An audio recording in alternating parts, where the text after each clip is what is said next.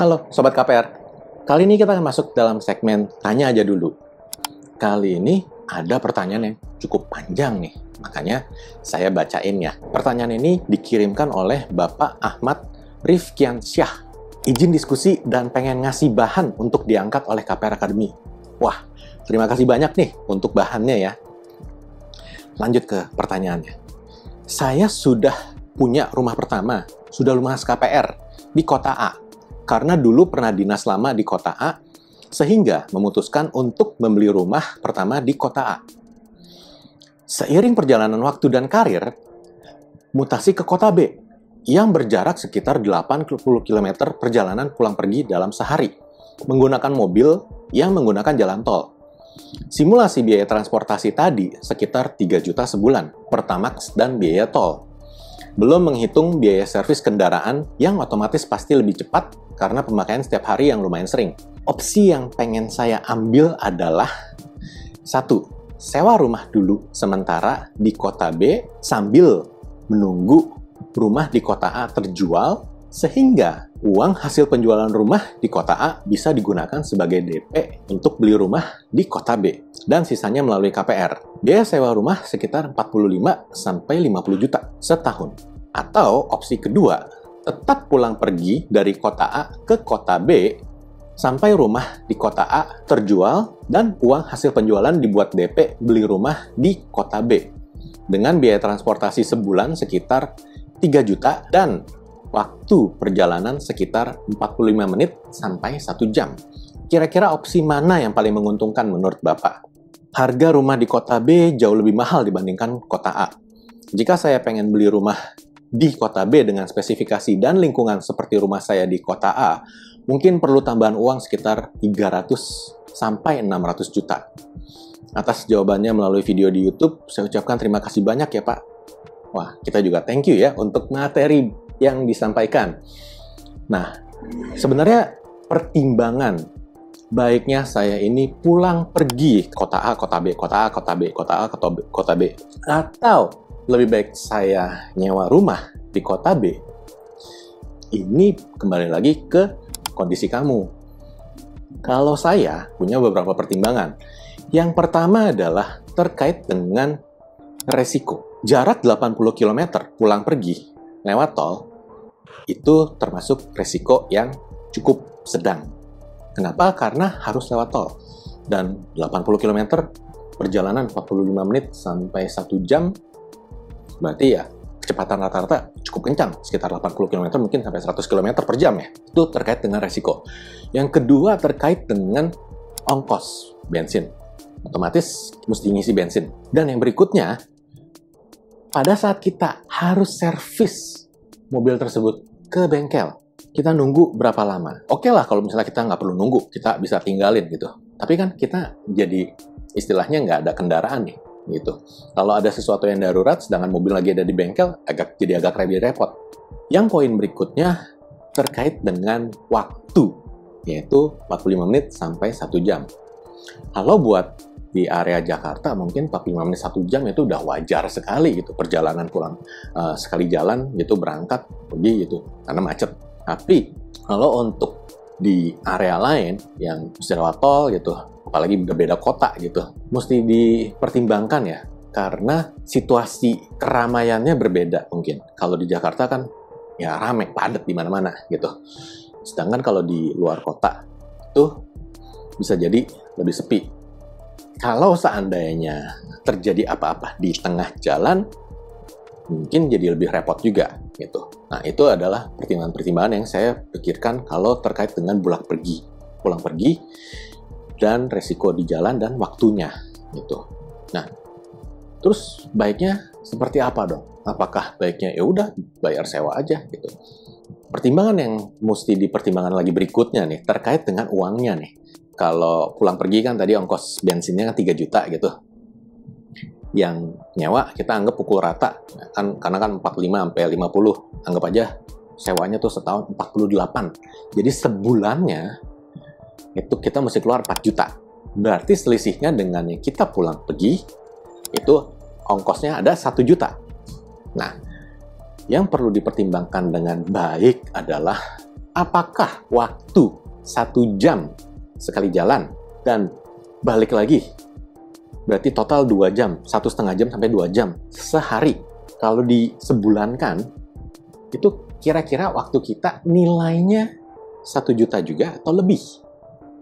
Nah, supaya nggak pusing mikirnya, tinggal pakai perbandingan dari gaji aja.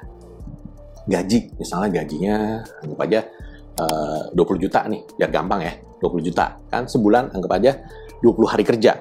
Kerjanya cuma Senin sampai Jumat. Nah, berarti sehari kita satu juta menghasilkan.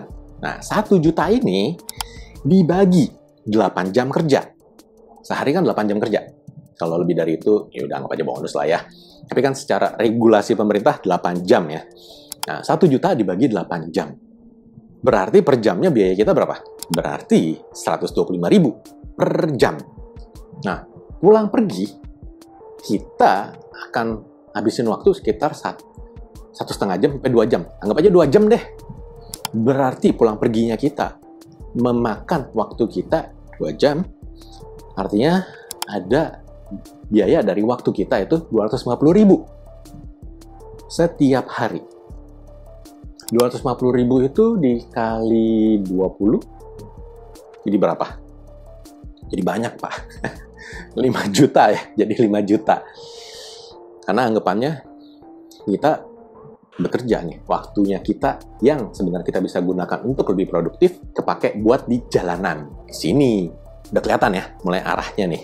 Angkanya aja udah, wah 5 juta ya waktu saya kebuang. Gitu. Nah, sekarang saya cerita sedikit nih. Kalau dulu ya, pengalaman saya pas masih kerja di bank, saya punya waktu lowong. Begitu pulang ke rumah, Nah, kebetulan rumah saya sih nggak terlalu jauh ya waktu itu. Uh, saya masih bisa menggunakan waktu saya sedikit untuk ngurusin satu online shop di e-commerce. Waktu itu dapatnya sih nggak terlalu gede ya, gitu. Uh, ya karena saya spend waktunya mungkin rata-rata kalau di rata-rata ya, mungkin sehari paling 20 menit sampai setengah jam paling lama. Itu dan itu juga nggak tiap hari. Saya waktu itu bisa menghasilkan sekitar satu juta sampai 1,2 setiap bulannya. Gitu. Untuk waktu yang hanya sekian. Nah, mungkin nih, mungkin kamu bisa pertimbangkan. Saya kalau bisa menghemat waktu perjalanan saya pulang pergi dari yang tadinya sekitar satu setengah jam sampai dua jam setiap hari, misalnya cuma jadi setengah jam setiap hari, berarti saya bisa menghemat satu hingga satu setengah jam waktu saya setiap harinya. Kira-kira waktu satu sampai satu setengah jamnya itu bisa dipakai untuk melakukan aktivitas apa yang produktif? Bisa nggak saya nguber selisihnya? Kalau tadi kan bulak pulang pergi bensinnya 3 juta. Dan kalau nyewa 4 juta. Ini di luar biaya servis ya. Biaya servis uh, kendaraan itu suka kadang suka bikin kaget-kaget kan kadang. Cuma ya umumnya ya ya udahlah kita nggak usah hitung dulu. Anggap aja kita jadi perlu keluar duit lebih banyak kan, satu juta sebulan, tapi kita punya waktu yang lebih hemat sekitar satu jam deh, anggap aja satu jam sehari dikali sebulan 20 jam. Nah, kira-kira 20 jam ini saya bisa lakukan buat apa? Ini ada beberapa opsinya. Yang pertama, bisa digunakan untuk investasi leher ke atas, yaitu nambah skill di kepala kita. Dengan nambahnya skill kita, kemungkinan kita dapat promosi lebih gede. Bener kan? Kalau orang lebih punya skill ya, pasti atasan juga lebih, oh iya, lebih respect gitu dan oh iya, ini orang jangan sampai dia lepas nih. Ini orang lepas pindah ke perusahaan lain, saya yang pusing. Apalagi kalau pindahnya ke kompetitor. Aduh, gitu. Jangan sampai ketemu dia lagi. Aduh. Jadi lebih baik saya pertahanin di sini, saya perjuangin supaya bisa dipromosi, supaya bisa naik gaji dan bla bla bla. Opsi yang kedua bisa dengan melakukan pekerjaan lain. Mungkin yang freelance atau ya kayak yang dulu saya lakukan, iseng-iseng aja jualan lewat e-commerce. Siapa tahu untungnya lebih gede gitu. Dulu barang yang saya jual receh gitu, kecil. Saya impor barang waktu itu dari China, saya tembak, saya jual di sini. Untungnya berapa persen? Marginnya itu minimal sekitar 50% per barang. Tapi Kalau saya pribadi dulu seiring berjalannya waktu, makin banyak yang jualan itu, makin banyak yang ngiklan juga, costnya makin tinggi gitu. Nah, saya cuma mikir, ah kayaknya nggak dulu deh, udah deh, kita stop dulu. Gitu, barangnya udah dihabisin, kelar, ya udah, bye. Nah, toh saya udah dapat clue-nya kalau mau jualan mesti seperti ini. Tinggal impor barang, kita jualan di sini, kasih kemasan dan bla bla bla. Nah, udah ketemu tuh selah-selahnya. Tinggal masalahnya mau kita seriusin atau enggak di situ. Nah, sayang lakukan seperti itu ya untuk opsi yang kedua.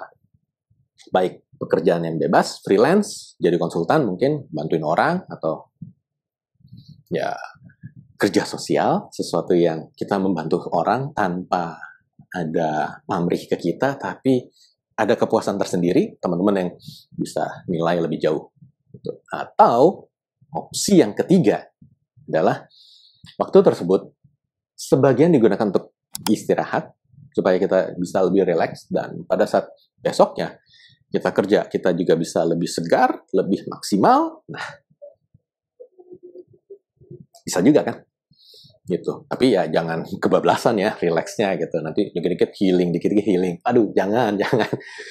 Kalau kayak begitu, nanti susah majunya gitu. Apalagi ini udah kepikiran kan. Saya mau jual, saya mau ambil KPR lagi nih. Waduh, ketemu komitmen lagi nih sama bank jangka panjang lagi.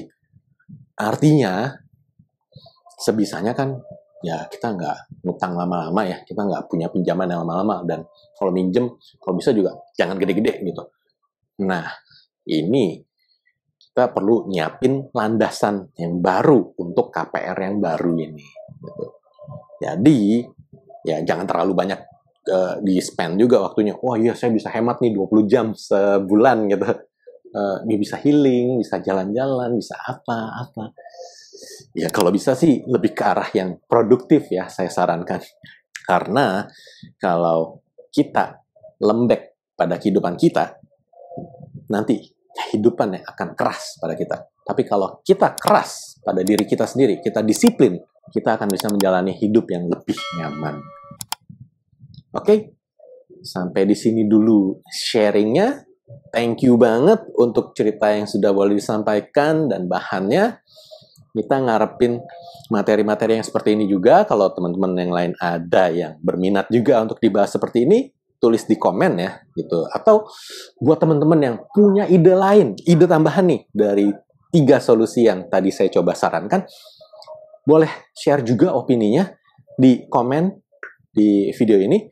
Karena komen Anda kalau memang itu berharga dikeluarkan. Harus dikeluarkan. Karena kalau cuma ada di dalam kepala cuma Anda yang tahu. Siapa yang tahu itu emas atau hanya kuningan. Oke? okay? Lebih banyak share ya di komen gitu cerita-cerita ini itu. Oke, sampai di sini dulu dan sampai jumpa di episode berikutnya. Bye.